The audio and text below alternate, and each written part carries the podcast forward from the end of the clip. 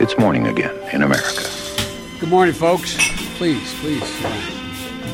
Come on, let's go. Let's go get some coffee. Thank you very much. Det er torsdag 26. mars. Den største økonomiske krisepakken i amerikansk historie er vedtatt i Senatet, og målkaffen er servert. Sent onsdag kveld ble den gigantiske økonomiske krisepakken vedtatt i Senatet. Den er på 2,2 billioner dollar, mer enn dobbelt så mye som markedsverdien på det norske oljefondet. Den ble vedtatt med 96 stemmer for og null imot. On this vote, the yeas are 96, the nays are zero. The 60 vote, vote threshold having been achieved, the bill is passed. Fraværet fra fire republikanske senatorer skyldes koronaviruset.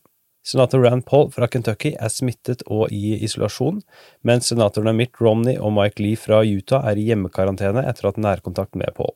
Fjerdemann, senator John Thune fra South Dakota, reiste hjem like før stemmegivningen i Senatet fordi han ikke følte seg bra. Representantenes hus stemmer fredag, og president Trump ventes å signere det hele så raskt som mulig samme dag. Antallet smittede i USA stiger raskt, og tidlig torsdag morgen lå tallet på nesten 69 000, kun bak Italia og Kina, med rundt 1000 døde.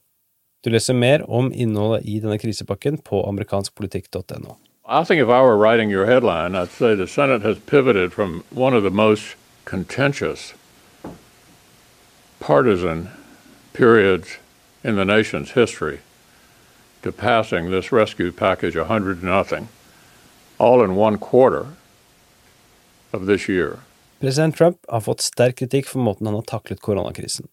Trumps kritikere mener selv at den amerikanske økonomien er under hjelp til bedrifter og børsen for hovedfokuset framfor helse. Til tross for kritikken så viser en ny måling fra CBS og YouGov at 90% av republikanerne stoler på Trump og hans administrasjon når det kommer til informasjon om koronaviruset.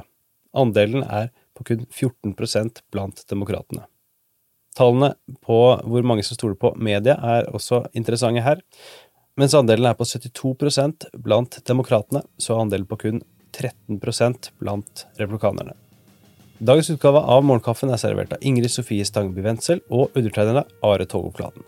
Du leser som nevnt mer om disse sakene på amerikanskpolitikk.no.